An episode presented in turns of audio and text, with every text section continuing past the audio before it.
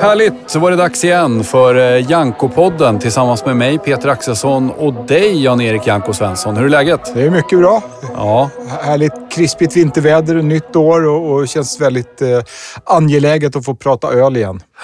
Ni kan ju inte se det ni som lyssnar, men Janko ser ut som en löddrig stridshäst som står redo att eh, ta sig an detta avsnitt som vi hoppas som ska bli spännande.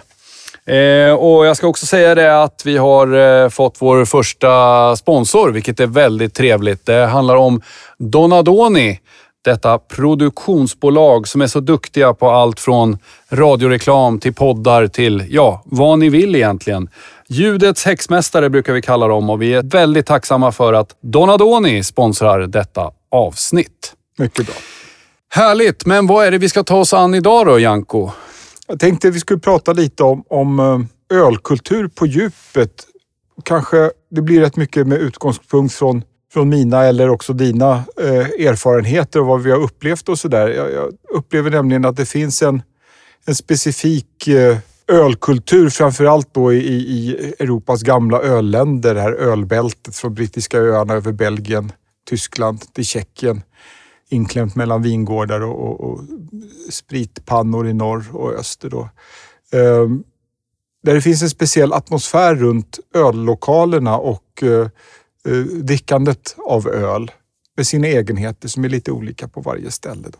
Jag tänker dels hur lokalen ser ut.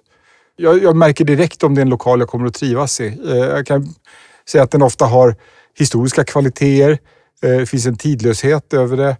Eh, men det är någonting i atmosfären som är svårt att säga exakt. Det kan vara olika typer av möblemang. Det ser inte ut på en belgisk krog som på en tjeckisk krog till exempel. Men det, det, finns någonting gemensamt där.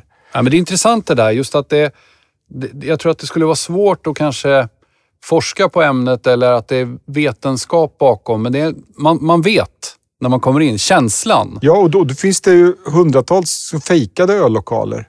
Inte minst i Stockholm, alltså som ser helt okej okay ut men där man ändå inte alls får den här känslan.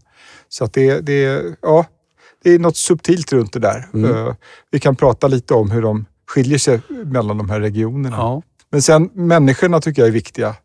Det är en ganska maskulint dominerad miljö. Eh, I personalen brukar det förstås ibland finnas kvinnor och i Belgien till exempel så, så är det vanligare med kvinnliga kunder också. Men oftast är det män och det är inte ungdomsgäng i första hand. Och är det det så är de väl integrerade och ganska dämpade utan det är en, en liksom ganska manlig gemenskap. Um, rätt så demokratisk också. Uh, det har ju påpekats i litteraturen och av sådana som Lenin att ölet och ölhallarna är en väldigt demokratisk miljö. Att, att arbetaren och doktorn sitter vid samma bord och pratar. Och det där tycker jag är... Vad tror du det beror på då? Att det blir så? Ja, det är något... Alla tycker ju om bärs. Liksom. Det är något otvunget runt det där. Um, man kan tillåta sig att, slappna av. Man kanske har behov av att, att, att slippa de där barriärerna. Och det är kanske är viktigt att man själv iakttar lite av den etiketten också. Att man är, inte är mer än sig själv. Eh, det är inte någon, någon miljö där, man, där det är läge att spela ut någonting. Nej, man har liksom ingenting och vad ska man säga, några titlar att försvara där. Utan man lägger, ner, man lägger ner vapnen och titlarna och ja. koncentrerar sig på att bli lite smålullig. Ja, och det, det är inte minst det. Sen jag, menar, jag har egen erfarenhet av människor som älskar att se andra och synas. Och, och, på det, de tycker det är helt obegripligt att man går, kan gå på de här.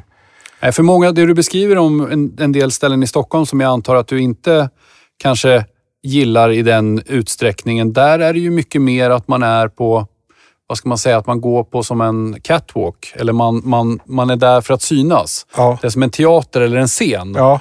Uh, att man vill se andra som är kanske kända eller vad det nu kan vara och man själv ja. vill visa upp sig i rätt sammanhang. Mm. Och det är ju ganska långt ifrån där vi är nu, när ja. vi är i Centraleuropa på 80-talet och ja, det, antar jag. Ja, eh, absolut. Och det är fortfarande så i Centraleuropa och Västeuropa att, att eh, jag har ju aldrig varit på något sånt ställe som du beskriver, eh, men det låter som en mardröm faktiskt.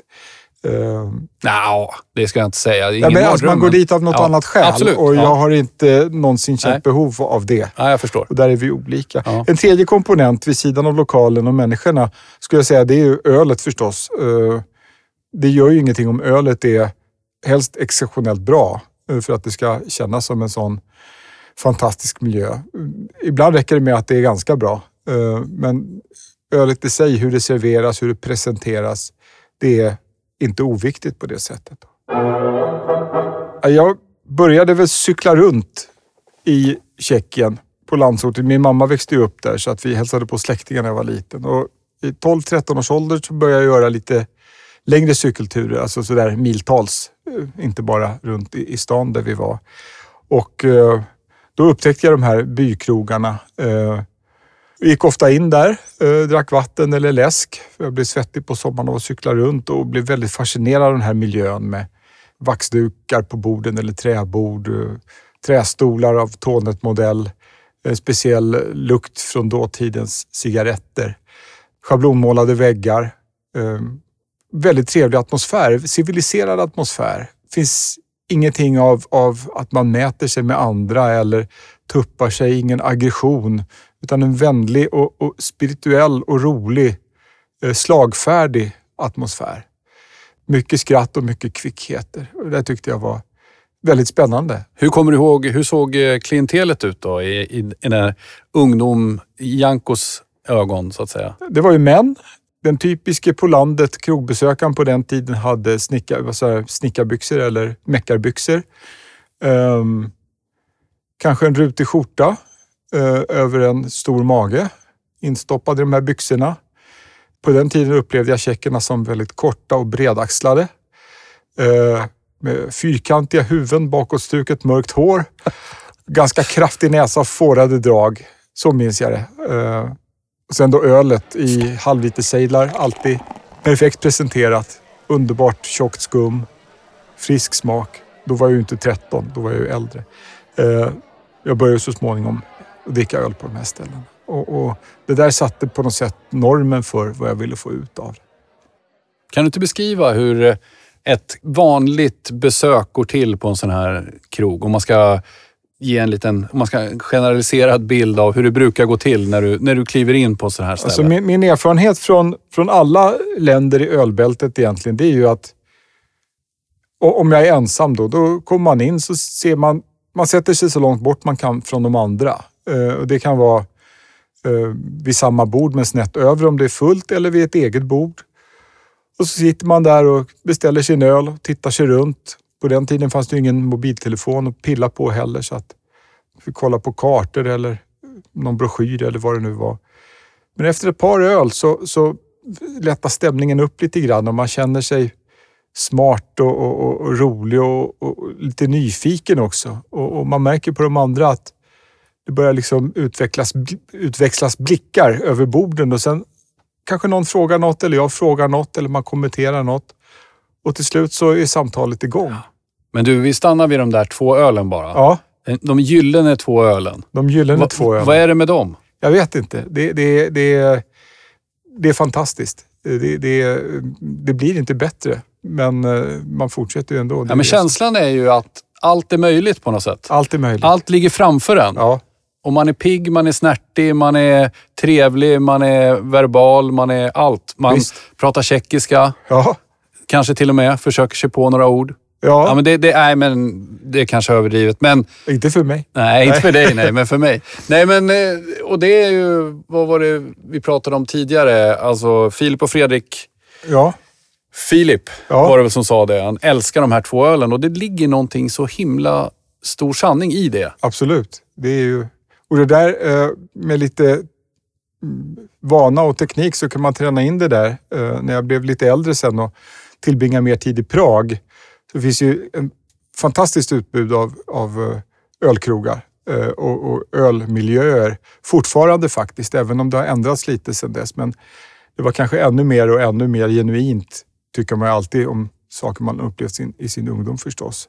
Mm. Eh, men där kunde man upprätthålla den här känslan kanske hela dagen. Då. Börja vid 9-10 på, på förmiddagen och sen promenera runt och gå in och titta på mäktiga kyrkor och, och, och supa in gaturummet med de här två ölen i kroppen. Och sen när det började blåsa av lite så kom du alltid till ett nytt ställe och kunde tanka på. Så att, Fantastiskt. Ja. Jag har ju en eh, god vän, han säger det, hans citat är “Jag älskar att vara full när det är ljust ute”. Ja, ja. Och det finns ju någonting i det. Både att, man, att det är lite för tidigt på dagen, men det kan också vara väldigt, väldigt sent. En natt, en sommar, till det. när det börjar bli ljust. Ja. Jag tycker det är fint sagt. Ja. För jag förstår vad han menar, för han menar ju inte redlöst berusad, utan Nej. att man går runt och bara, som du säger, insuper allting. Mm. Och man tar del av, i det här fallet, då, en, en stad på ett annat sätt.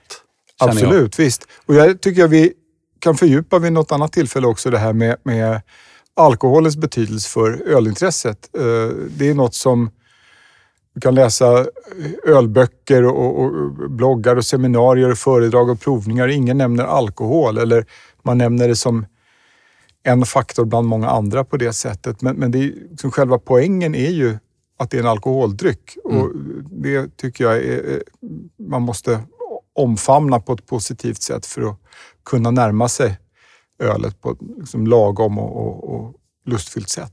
Ja, den är ju, alkoholen är ju speciell så tillvida att den är ju osynlig i princip i ölen kan man känna upp till en viss alkoholstyrka såklart. Man Just det. noterar den ju inte Nej, så, utan, men den finns ju där och den, den gör jobbet så att Den säga. gör jobbet. och det pratar man för lite om Ja. faktiskt. men jag tror, jag tror att det är därför öl är så populärt. Det är liksom friskt och läskande. Eh, Det smakar inte alkohol, men det har sin effekt. Eh, Det är det är en perfekt dryck för det syftet. Så. Och nu är vi eh, landat lite grann i Prag här och det är Ja. ju väldigt många tror jag lyssnare som har varit mycket i Prag och, eller kanske längtar dit.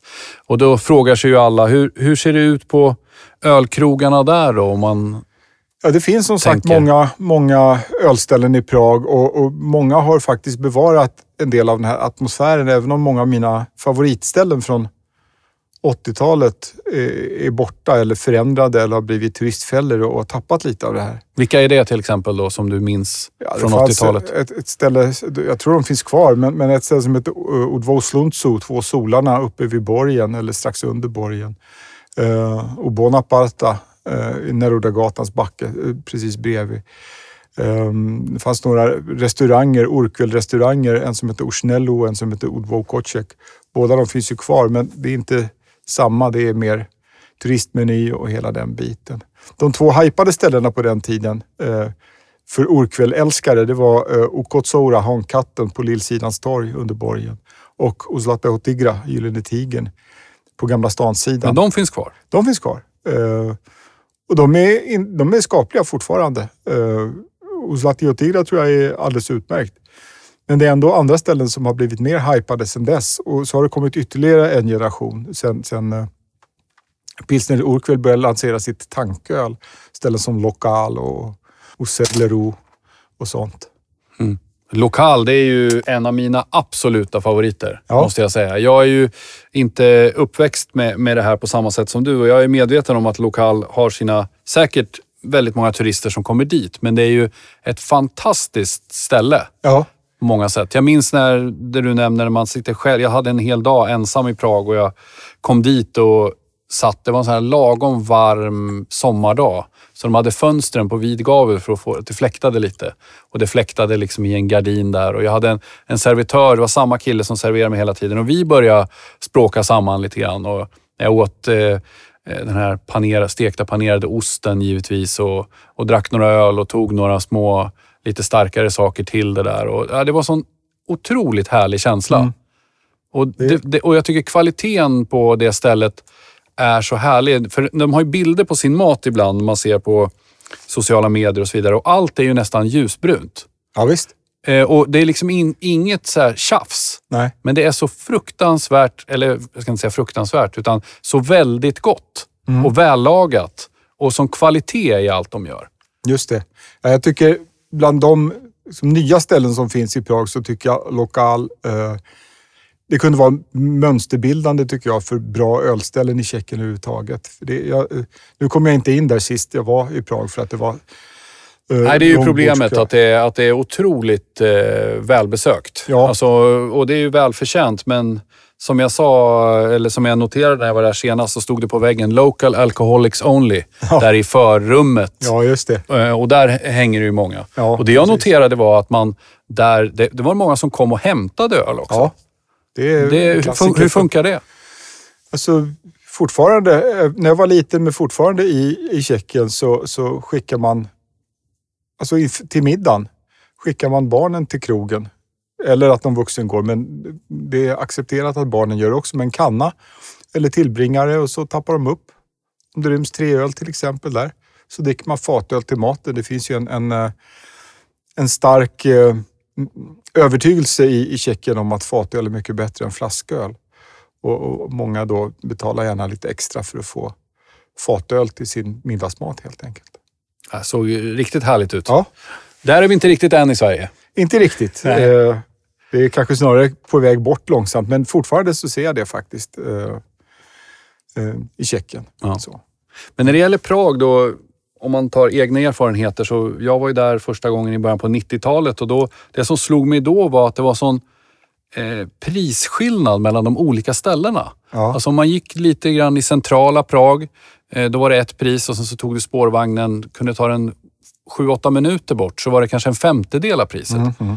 Det var ju fruktansvärt billigt då. Ja, Lite visst. för billigt kändes det som ja. i alla, i, ibland. Ja.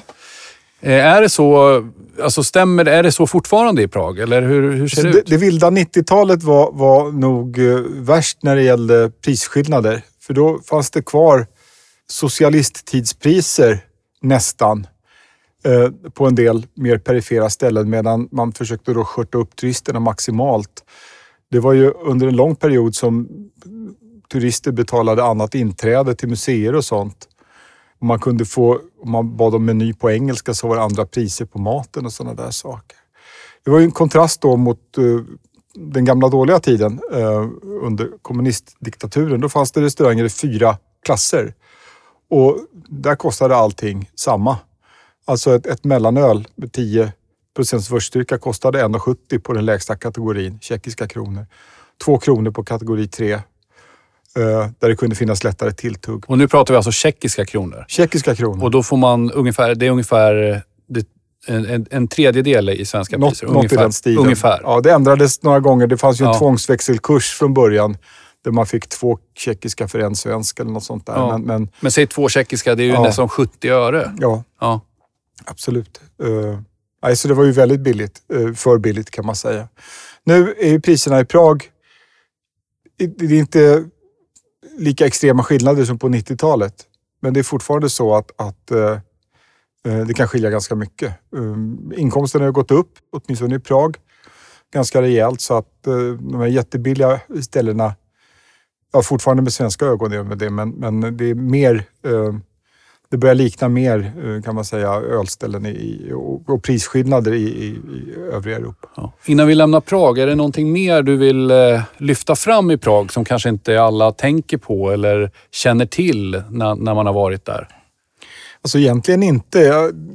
Man får väl eh, vägledas av, av sina egna vibbar. Räkna med att det är ganska mycket turistfällor i centrum. Det finns många eh, populära, bland öldårar populära nya bryggeripubbar som ligger mer perifert. Ehm, det finns ett, ett bryggeri utanför Prag, en by som heter Unjekice, som brygger fantastiskt öl. Det är ett, ett eh, återupplivat bryggeri sedan några år tillbaka. Det är ju klass med pilsner Urquell kan man säga. Och, eh, kan man åka till exempel till eh, en krog som heter Naslamniko på Halmmadrassen som ligger norr om centrum. Då får man promenera lite genom diplomatkvarteren. Men det gör jag. Det försöker jag hinna med när jag är i Prag till mm. exempel. Sen tycker jag man ska gå på Ofleko också, mm. Eh, mm. den stora turistfällan. Mm. Där är ju till skillnad från andra öllokaler, i regel så dricker ju tjeckerna inomhus. Eh, de tycker om ja. att sitta i sina mörka gotiska valv i, och kura. Men Ofleko är mer så här generiskt centraleuropeisk med en stor ölträdgård i, i, i mitten. Och ett väldigt gott öl. Ja, gillar man mörk lager och inte rädd för sötma så, så är det fantastiskt. Och, och, och många tjecker rynkar på näsan åt det där, men jag går ofta dit också faktiskt. Tycker att det är... Men... Det är ju en turistfälla. Det är som House i München som vi kanske ska prata om om en stund. Då, men, men eh, det är en väldigt bra turistfälla. Ja, det är härligt. Det känns ju ja. genuint när man är där. Jag vill innan vi nämner Tjeckien också nämna att nästan vart man än hamnar så kan man hitta i alla fall något intressant ölställe. De Uppenbara ölturistmålen det är till exempel Pilsen. Då. Där finns ett ställe som heter Osalsmano centralt i stan. Eh, som är ganska moderniserat i gammal stil då, så där, men ändå väldigt bra öl, trevlig stämning. I Český Budějovice Budweis så finns eh, Masni Krami, gamla eh, saluhallen för kött från 1500-talet. Eh, också moderniserad och har förlorat en del av sin atmosfär men är fortfarande värt att gå till och mycket bra krösad Budvar man kan få där. Mm. Och I nästan alla tjeckiska städer så finns det något ställe som åtminstone ett stadshotell eller liknande där man kan uppleva lite av den här genuina ölkulturen från förr fortfarande. Liksom på landet.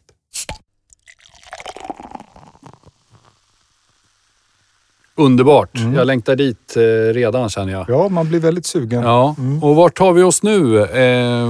Alltså, om jag utgår från min egen erfarenhet så, så kom Tyskland efter Tjeckien för min del. Eh, dels i början på 80-talet, då drack jag inte öl. Jag var för liten då. Några resor med bil med föräldrarna och så.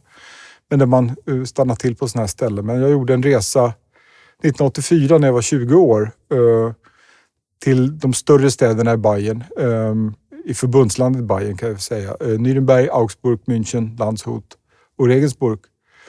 Och eh, upptäckte då likheter och skillnader med den tjeckiska ölkulturen. Både ölets smak men också atmosfären och så. Och, och där kan man säga att, att, i förbundslandet Bayern så finns det eh, ganska stora regionala skillnader. Om man, om man börjar med, med, södra Bayern, det klassiska Bayern runt München och, och Alpernas fot och upp mot Donau. Eh, även inklusive Regensburg som egentligen då hör till Oberpfalz. Men, men, och då är vi direkt öster om Nürnberg precis? börjar kan man säga. kan man säga för de som inte riktigt... Ja, mellan, mellan Nürnberg och Tjeckien. Ja, exakt. Eh, väster om Tjeckien. Mm. Men om man säger runt München i det området så är det, tycker jag, tre typer av öllokaler som, som man kan stöta på. Och den som är minst spännande, men den är liksom generisk för hela Sydtyskland kan man säga, det är eh, lite större rum.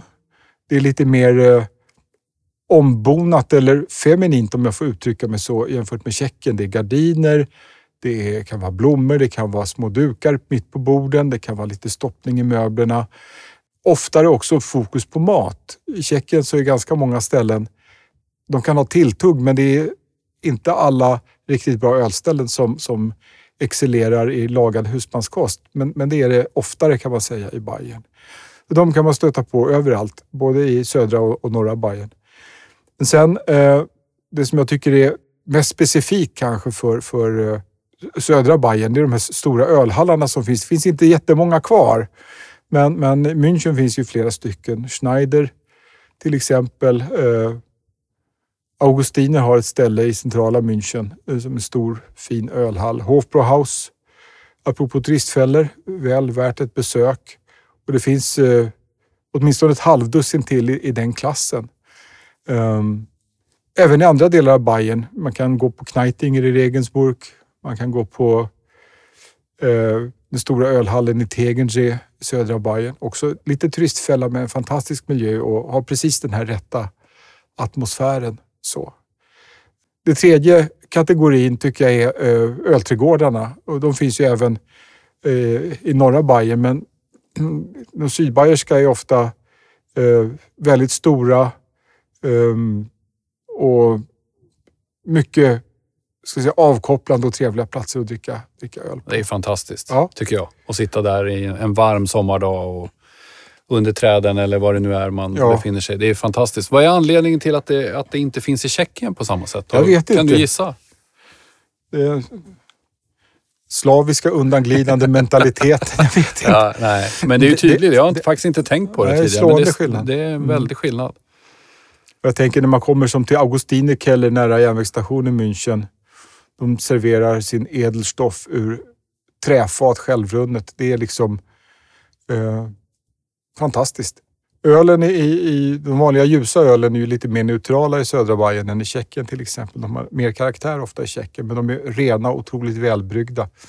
Läckra på det sättet. Så att det är ja, en mm. stor upplevelse. Mm. Sen finns det förstås lite större värdshus ute i landsorten som jag tycker är, kan vara värda att nämna också. Som, som varken är riktigt ölhallar eller men som är något mer än den här generiska ölstugan. Det finns ett ställe som jag gärna åker till utanför Passau som heter Andorfer. På en höjd, en liten ort som heter Ris. Eh, ett veteölsbryggeri ehm, med uteservering och fina lokaler inne. De har kvar en sån här eh, spyho faktiskt också. Mm. Var vanligare förr i... Papst. Har jag hört att det kallas ibland. Alltså, Papst. Okej. Alltså någon liknande påven. Ja, ja. Någonting. Men det kanske bara var där jag var. det är möjligt. Handtag fanns det. Spygatt har jag hört som svenskt ord för det där. Det är ju fantastiskt. Det, det noterade jag fanns. Vi var i, i Krakow på något ställe där det fanns... Precis, man kunde välja pissoar beroende på vad man hade druckit. Det Ja. stod var tavlor och sen fanns det just en sån här spyho där. Ja, med Det- handtag. Med handtag. Ja. Ja, Det fanns ju på. Opera House också förut, men den är borta nu. så. Men på Andorfer finns det kvar i alla fall. Ja. Men vi ska Ja. säga det också att, eh, till er som lyssnar att eh, vi har ju ett Instagramkonto som heter Jankopodden. Och, och där kan vi lägga upp kanske lite mer eh, alltså, kring de här krogarna och sånt vi Det nämner. kan vi göra, absolut. Så om ni är sugna på att eh, veta mer om var de ligger och så vidare. Ja. Det blir för deta- detaljerat att gå in på här. Ja, jag det kan ju- ge fler tips än jag Ja. nämner också. Jag vill bara säga ett ställe till och det Ja. är ett, ett ställe utanför Altötting som heter Gramminger Weissbräu som ligger i en vägkorsning. Fin liten trädgård. Uh, man finns några rum man kan övernatta. Uh, fantastiskt veteölsbryggeri. Åkte ofta dit eh, på utflykt med barnen när de var små för det finns ett jättestort friluftsbad precis utanför. Freibad Sankt Georgen. Så att då sov vi där. Eh, Pappa fick dricka veteöl i trädgården. Man kunde gå in och promenera in till Altötting och titta på den fantastiska Wallfortskyrkan. Ja, det låter Mm. underbart. Den, den mest, eh, tycker jag, kulturellt viktiga regionen kanske i världen på det sättet, det är ju landskapet Franken i norra Bayern. Bayern som det ser ut nu skapades ju efter Napoleonkrigen så är det ungefär 200 år gammalt. Och, och södra Bayern har ju alltid varit katolskt och skapligt enhetligt men, men Franken kom till som begrepp när Bayern blev kungarike. Eh, och var från början uppdelat i massa små hertigdömen och, och provinser. Eh, Ärkebiskopsdömet Bamberg var ett land till exempel. Eh, och de var ju katoliker förstås. Sen fanns det protestantiska fläckar, till exempel runt Bayreuth. Eh, Wittelsbacharna, samma som regerade i Preussen, hade mark där. Så det, det är ett, ett eh, lapptäcke mer kulturellt. Men, men kanske då med Bamberg som centralpunkt så finns det eh, en väldigt rik ölkultur bevarad. Inte bara många bryggerier, vilket är ju en grundförutsättning kanske, men också i atmosfären. Eh, väldigt fina öllokaler ofta. Eh, rustik atmosfär, mörka träpaneler och, och hela den biten. Den här stämningen som, som eh, påminner mer om Tjeckien skulle jag säga faktiskt än om, om eh, södra Bayern på många sätt. Eh, lite annan mat, lite mer fokus på mat också. Eh, och sen några specifika drag som jag tycker liksom bidrar till charmen. Ehm, jag vet inte i vilken utsträckning det är kvar, men, men eh, det var alltid så på, på 90-talet när jag började åka dit mer regelbundet att när man kom in på en krog istället för att hälsa så knackar man på bordet Mm. eh, hos de andra gästerna. Och även när man går då. Det tyckte jag var otroligt coolt. Eh, sen att det finns några ställen där man eh, på tider de inte serverar mat så får man ta med sig egen mat så får man bestick och tallrik. Trevligt. Ja, jag har gjort det på Marsbräu i Bamberg. Eh, väldigt trevligt. De har eh, doppvärmare. Om man tycker att det är för kallt eller bubbligt och lite känslig i magen. När jag är öltrött sent på kvällen har det hänt att jag har gjort det också. Vadå? Vänta nu, det måste vi, det måste vi stanna vid. Mm. Alltså, de har doppvärmare på krogen som Ja, du de tappar upp en halv liter sejdel. Det är ju normalmåttet i Centraleuropa. Och säger man att man vill få den doppvärmd och så kör de ner. Från början så var det ju, kan man säga, såg ut som metallprovrör ungefär med varmvatten så man värmde upp det lite. Men nu brukar de köra en, en sån här spiral. Och då får man upp temperaturen, får ut lite kolsyra, det blir mjukare för magen och tas emot lättare av kroppen. Det är ju, det är ju mindblowing. Ja, vän av ordning kan tänka, varför åker man inte till England och dricker ale? Jo, Ja. det kan man göra också. Fast Ja, fast nu, råk, nu råkar man sitta på en krog i Bamberg. då- Ja, precis. Eh, Så Ja. att det är liksom den effekten. Ehm, sen, det är ju inte det vanliga, men när det finns så är det ju också otroligt coolt. Det är det här med självrunnet öl. Att eh, det normala i hela världen idag det är att man har kolsyra som trycker ut ölet ur fatet. Eh, Tjeckien hade länge luftkompressorer. Det finns väl på några ställen fortfarande. Men eh, i framförallt Franken så, så finns det kvar en del ställen där man helt enkelt tar upp fatet ur den kylda källaren, ställer upp det på bänken och öppnar det och så får ölet rinna ut i sejdlarna. Man säger att man, det är det man säger, man slår hål i tunnan. Ja, Och så låter man det... precis. Mm. Det, det är också otroligt charmigt. Ja. Och det har man ju, jag menar om vi bara en liten jämförelse, det ser vi ju på Fras Franciskaner i Stockholm. Ja, gör man ju där. Bakfickan ja har ju anammat det och gör det. Och visst. görs ju på en del andra ställen också. visst. Det är härligt. Det är fantastiskt. Mm.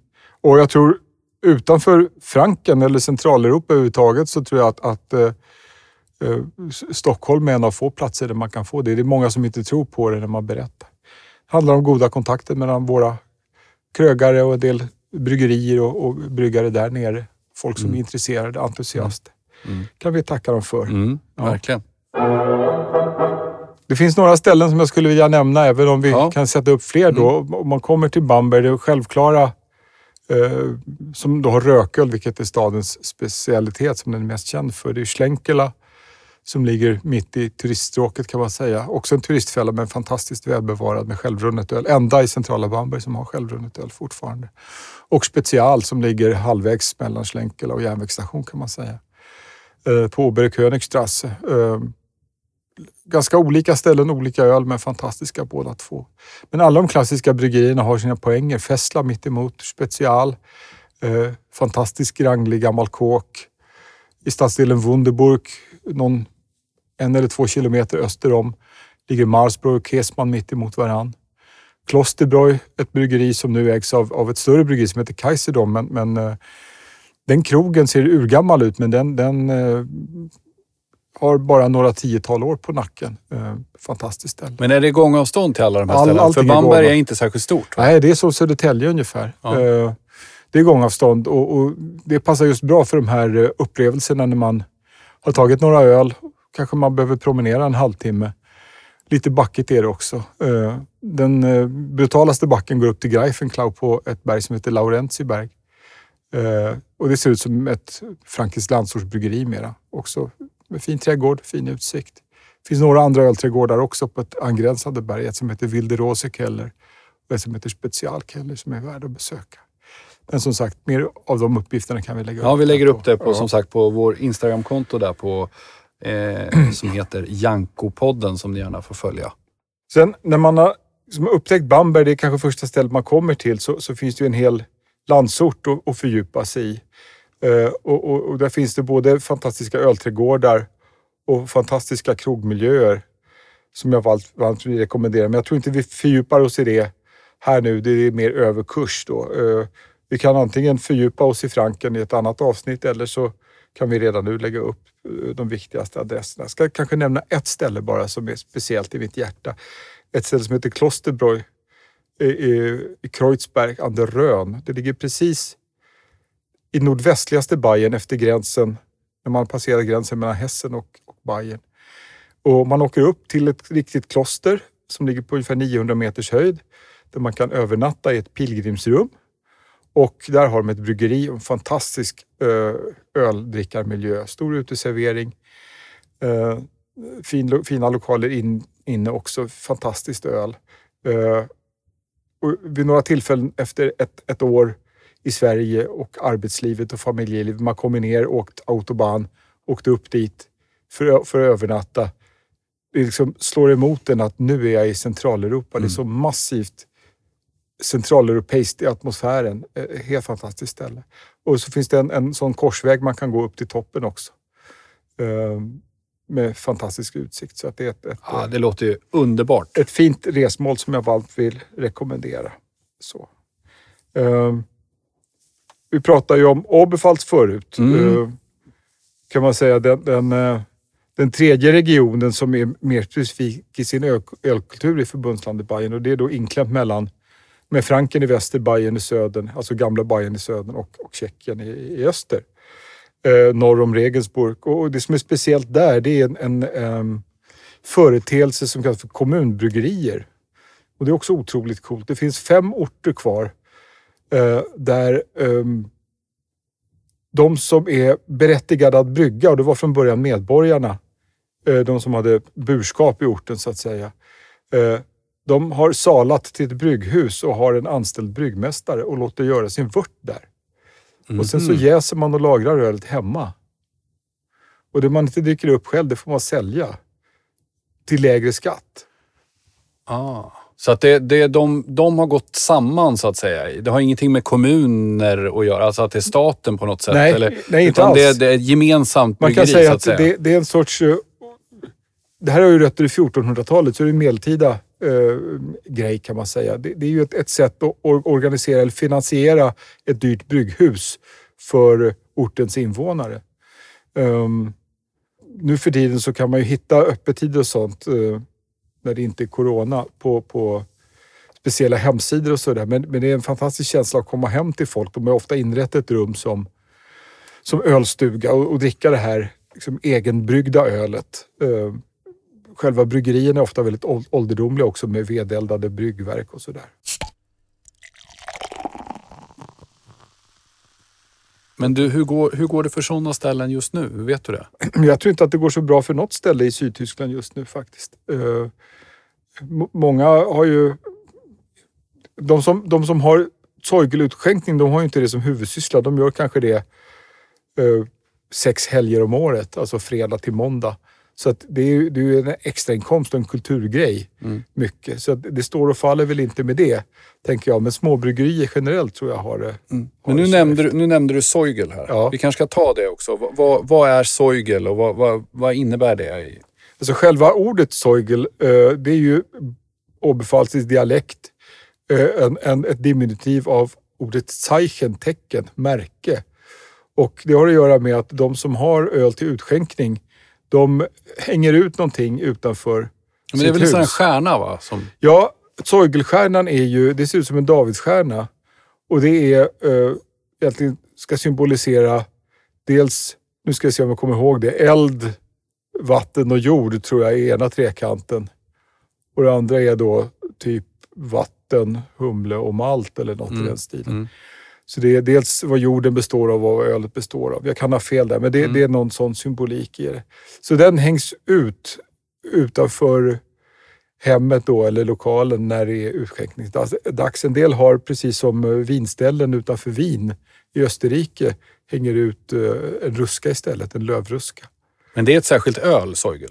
Alltså, Zeugel har ju blivit benämningen för det öl som serveras där. Man kan säga att det är som, ungefär som, som frankiskt vardagsöl fast sällan lika bra. Ett rustikt, eh, ofiltrerat, gammaldags lageröl. Så.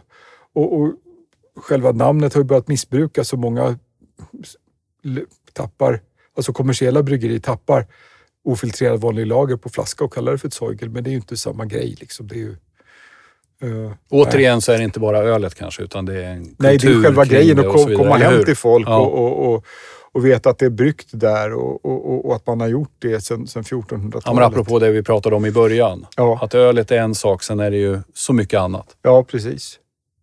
Innan vi lämnar Tyskland så skulle jag eh, slå ett slag för Düsseldorf också, för det tycker jag en, eh, jag har, det, det är en av de två platser jag åkt till över dagen bara för att öla. Alltså man flyger ner på morgonen, så tar man en promenad i stan. finns tre eller fyra ställen som man måste gå på. Schumacher, Ürige, Füchschen. Man kan gå på Schlössel också. Eller Schlüssel. Eh, fantastisk ölkultur. Jättegott altbier, överjäst öl.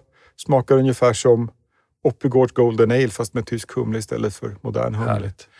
Och eh, härlig miljö, självrunnet. Eh, den här typiska ölkulturstämningen på ställena. Fantastiskt. Ja. Jag tänker också på Düsseldorf. Det är ju även en EP av Bob Hund. Det känner du till? känner jag inte Från till. 1996. Okej. Skulle jag vilja citera den låten Ja. när du säger sådär. Roten börjar utomjords. Rymden räcker inombords. Syret ger min själ en plan, bättre än avgaser från stan. Ja, Düsseldorf okej. kan man lyssna på om man Ja. vill. Det kan man göra. Från en härlig EP med fyra låtar. Men eh, så är det. Men Ja. Düsseldorf, byn vid floden Düssel. Helt enkelt. Ja, Om man ska göra en direkt amatöröversättning. ja jag För brukar Düssel tänka... är väl en flod? Det är, är det säkert. Numera tänker jag på att det är... Nästa gång, varje gång jag är där så tänker jag att det här måste vara fulaste staden i Tyskland. Och den flod man tänker på är ju Ren. Ja. Det är ju ren de hänvisar till, kyparna, om man ber om, om något annat än öl att dricka på krogen där. Ja. Men Düsseldorf annars är ju, jag menar, alla, de flesta känner väl till en betydande konststad. Ja, med konst liksom en konstakademin. Jag menar musiken, Mm. Kraftwerk, Die Totenhosen, Ja, DAF. Du hör ju. ja Det finns ju mycket att göra där. Sen kanske den inte är så vacker. det, Det är, det är inte det första man tänker. Nej. Men det är puttrigt nog att gå Ja. omkring i den återuppbyggda Altstadt eh, och eh, två bryggerierna ligger där och det tredje ligger på vägen till järnvägsstation. Så det, är, det är lätt gjort och allt till fots och, och, och ja, väldigt lagom. Något som kan vara lite överraskande om man tittar över gränsen till Belgien, det är inte så långt därifrån. Eh, det hör ju kulturellt, eh, kan man säga, mycket mer till Västeuropa. Det finns ju ändå någon sorts likhet mellan liksom Düsseldorf och, och, och, och, och Tjeckien eller Österrike om du går på ett ölställe. Det, det, det, det finns många gemensamma drag. Eh, Sen tycker jag Belgien är något för sig och Storbritannien är något för sig. Och i det här belgiska, eh, så det som de flesta besöker i Belgien, det är lite större turiststäders, vad ska jag säga, sortimentskrogar. Det finns ju i Brygge ett ställe som heter Bruksbertje och i Antwerpen ett ställe som heter Kulminator som är så här legendariska eh, sortimentställen. Bryssel hamnar ju många i. Mm. Eh, en, en turistfälla i klass med Schlenkela eller Oflecco eller Hopra som heter Morsubit. Fantastiskt ställe, även om det inte är det bästa i, i Bryssel. Men där tycker jag man ska gå, förutom de här vackra Grand Cafés som finns på Grand Place och Mm. runt om i Gamla stan. Stora stiliga interiörer från, från första halvan av 1900-talet så finns det några småhål, eh, lite dolda i centrala Bryssel som, som är värda att gå på. Le Bacasse är ju ganska känt av dem, men det finns några ännu sk- skummare ställen i närheten där. Eh, ett som heter L'Image Notre Dame och ett som heter Le Vieux Bon Temps, tror jag. Och där är ju inte sortimentet lika stort, men där har man den här rustika stämningen. Det är mörkt och murrigt. Apropå ölträdgårdar och sånt, det känns långt ifrån där. Och eh, alltid med, ett- med, med ett utbud av åtminstone några intressanta öl. Eh, då inte som sortimentsställena. Men det är ändå en kontrast tycker jag mot både Sydtyskland och, och Tjeckien. Att, att där är det oftast ett bryggeri eller till och med bara ett ölmärke i fokus. I Belgien är det nästan alltid, förutom några fatöl, så är det eh, ett antal flaskor som är intressant. Och belgiska ilen är ju flaskjäst och ska presenteras så. När jag var där för 28 år sedan, då minns jag att då gick vi alltid på ett ställe som hette Le Corbeau. Okej. Och så drack vi tre enliters. Jaha. Det började vi kvällen med. Okej. Sen behöver vi inte prata så mycket mer. Nej, vad var det för sorts ställe då? Nej, men det var inget ställe att, att skriva hem om, inte rustikt på något sätt. Utan, men då, då vet jag vi drack i de här, de här timglasformade Ja, ja. glasen. Det. Kvack va, som man dricker i dem. Just det.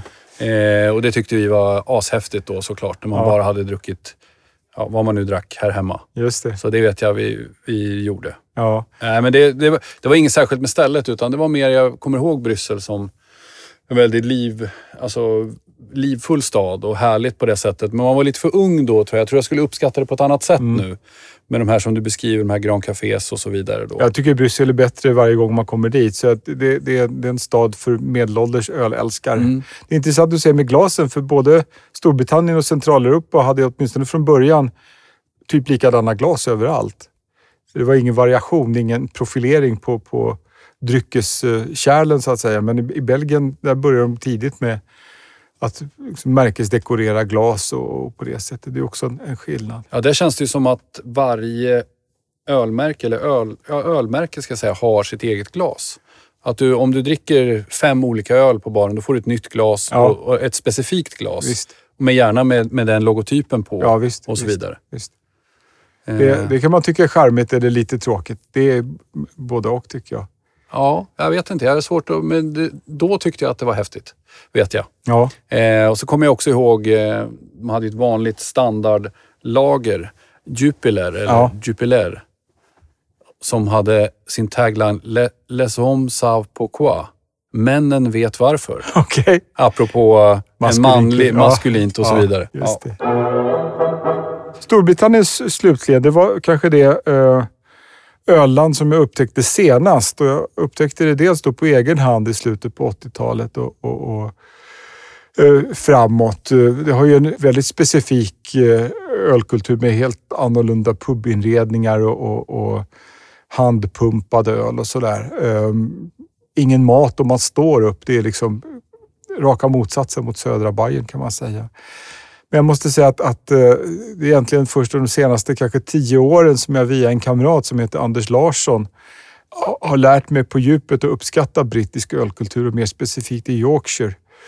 Vi har gjort några resor dit tillsammans med några kamrater och haft Huddersfield i västra Yorkshire som bas eh, och besökt i landsorten då eh, små orter som man kan nå med järnväg eller buss. Linfit och, Slawit och sådär. Fantastiska pubbar. Flera av de platserna vi har pratat om, Bamberg, Prag, Unesco-världsarv, Regensburg. Det är ofta gam, gammeldags miljöer. Belgien, fantastiska eh, medeltidsstäder. Mm. Mm. Eh, där i Yorkshire är det mer så brutal industrimiljö, men den är fruktansvärt välbevarad. Det är otroligt stämningsfullt. Men Unesco har inte satt dem på listan än. De har inte fattat. Ja, det, det, finns ju, det finns ju enskilda, det finns ju enskilda liksom, industriminnen som är världsarv. Men, men eh, känslan när man åker från Manchester till Huddersfield genom de här bergshöjderna och, och, och ser fabrikerna i Dalarna, de här trånga raderna av, av eh, gråa radhus som man tänker sig har sett likadant ut i 200 år. Eh, det finns ju några specifika saker med, med ölet i Yorkshire som jag tycker gör den regionen speciellt värd att uppmärksamma. Att det ska vara handpumpad ale är ju förstås en självklarhet. Men eh, i Yorkshire, överhuvudtaget i norra England, så använder man ofta en sparkler. Och det är, Vad är det för något? Det är som en liten stril som man skruvar på tappkranen. Och det gör att kolsyran blir mer finfördelad och, och ölen får lite skum. Om du har druckit öl i London eller i södra England så mm. har du sett att det, det, det är i princip eh, som Stor Stark var i Sverige för 30 mm. år sedan, att det är ända upp till kanten och kanske ja, ja, lite visst. fradga bara ja, på. Men de vill ha en och en halv, två centimeter skum eh, och då en mjukare smak eh, på ölet. Eh, det är ju lite charmigt. En kamrat som var med, han bad alltid att få sparkeln bortskruvad när han fick sin pint för han ville ha sitt öl bubbligare. Men de gjorde det utan knot faktiskt. Sen en annan sak som jag tycker är otroligt cool. Det är något som heter Autovac. Mm -hmm.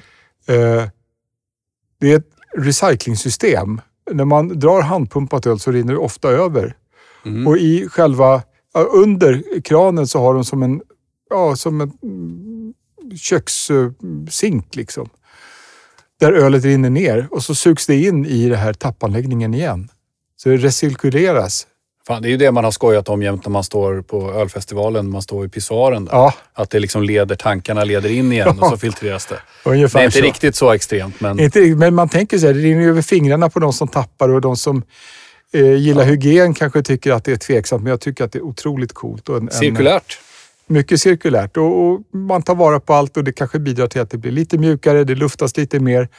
Det är väl på gott och ont kanske, men, men det, det är ett fantastiskt eh, um, ja, kulturell relikt från en tidigare industriera, hur man liksom hanterar ja. levande öl på brittisk pub. Men brittisk pubkultur rent generellt, kan man säga att den har genomgått någon typ av förvandling? Från att ha varit det här gubbdagiset på något sätt, dit alla gick. Alltså det, är i alla fall den bilden jag har, att man gick dit ofta. Man kanske inte åt lunch, utan man gick dit och tog ett par öl och så drack man ett par öl på vägen hem. Och så. Ja var det inga kvinnor som var där och så vidare. Att det har förändrats lite grann med den nya generationen. Jag tycker man ser, man ser familjer oftare, alltså inte barn, för de får inte gå på puben tror jag fortfarande. Men man ser ju oftare par eller grupper av par.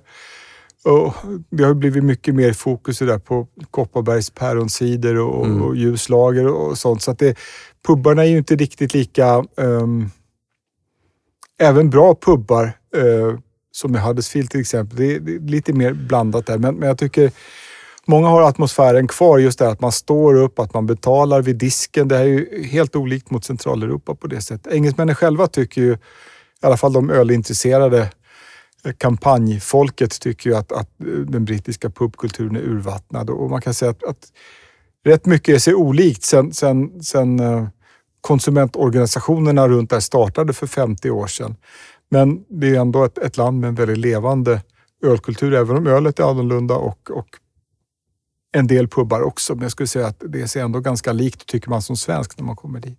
Och det är, apropå tuffa tider så är det ju otroligt många pubbar också som har fått slå igen Ja, de senaste åren. Just. Och det gör ju inte det bättre det vi har haft med coronasituationen. nej precis. Men eh, du slår ett slag för Yorkshire.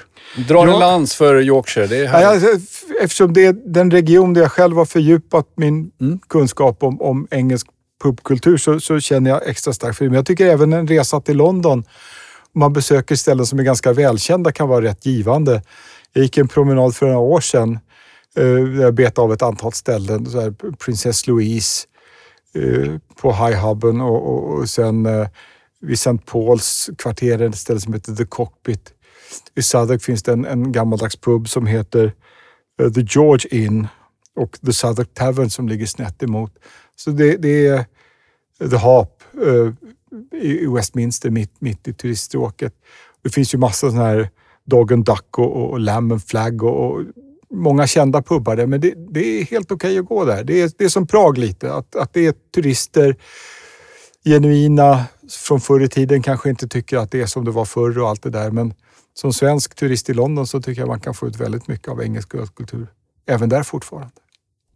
Ja, jag blir så otroligt sugen på att resa till de här ställena som vi har pratat om igen. Ja, och inte ska vi- minst mellan det, det, det året som har varit och vi ser fram emot att 2021 att vi kan få göra lite, lite ölresor ut till de här regionerna och då är det otroligt intressant att höra dina, dina reflektioner från, från tidiga år fram, fram till idag. Ja visst, eh, vi längtar verkligen efter vaccinet kan man säga. Det är väl det som står emellan oss och den där pinten. Yorkshire pinten. Eller de två pinten då. Ja, två. Det, och, det, och, och där får det, får det stanna för den här gången tror jag. Ja. Ja, tack ska du ha. Tack själv.